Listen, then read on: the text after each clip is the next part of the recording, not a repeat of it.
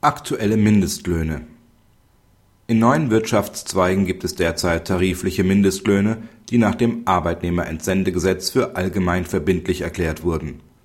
Darüber hinaus steht die Einführung einer Lohnuntergrenze auch für Leiharbeitnehmer unmittelbar bevor. Aktuelle Mindestlöhne nach dem Arbeitnehmerentsendegesetz bestehen derzeit in der Abfallwirtschaft, dem Bauhauptgewerbe, dem Dachdeckerhandwerk, dem Elektrohandwerk, dem Gebäudereinigerhandwerk dem Maler und Lackiererhandwerk, den Pflegediensten, dem Wach und Sicherheitsgewerbe und den Wäschereidienstleistungen.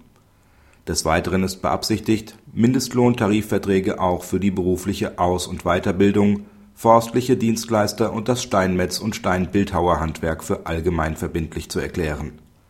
Im Bereich der Arbeitnehmerüberlassung können die Tarifparteien einen tariflichen Mindestlohn als Lohnuntergrenze vorschlagen der durch Rechtsverordnung für die gesamte Zeitarbeitsbranche für verbindlich erklärt wird. Ein entsprechender Mindestlohntarifvertrag sieht für Ostdeutschland einen Mindestlohn von 6,89 Euro und für Westdeutschland 7,79 Euro als Einstiegslohn vor.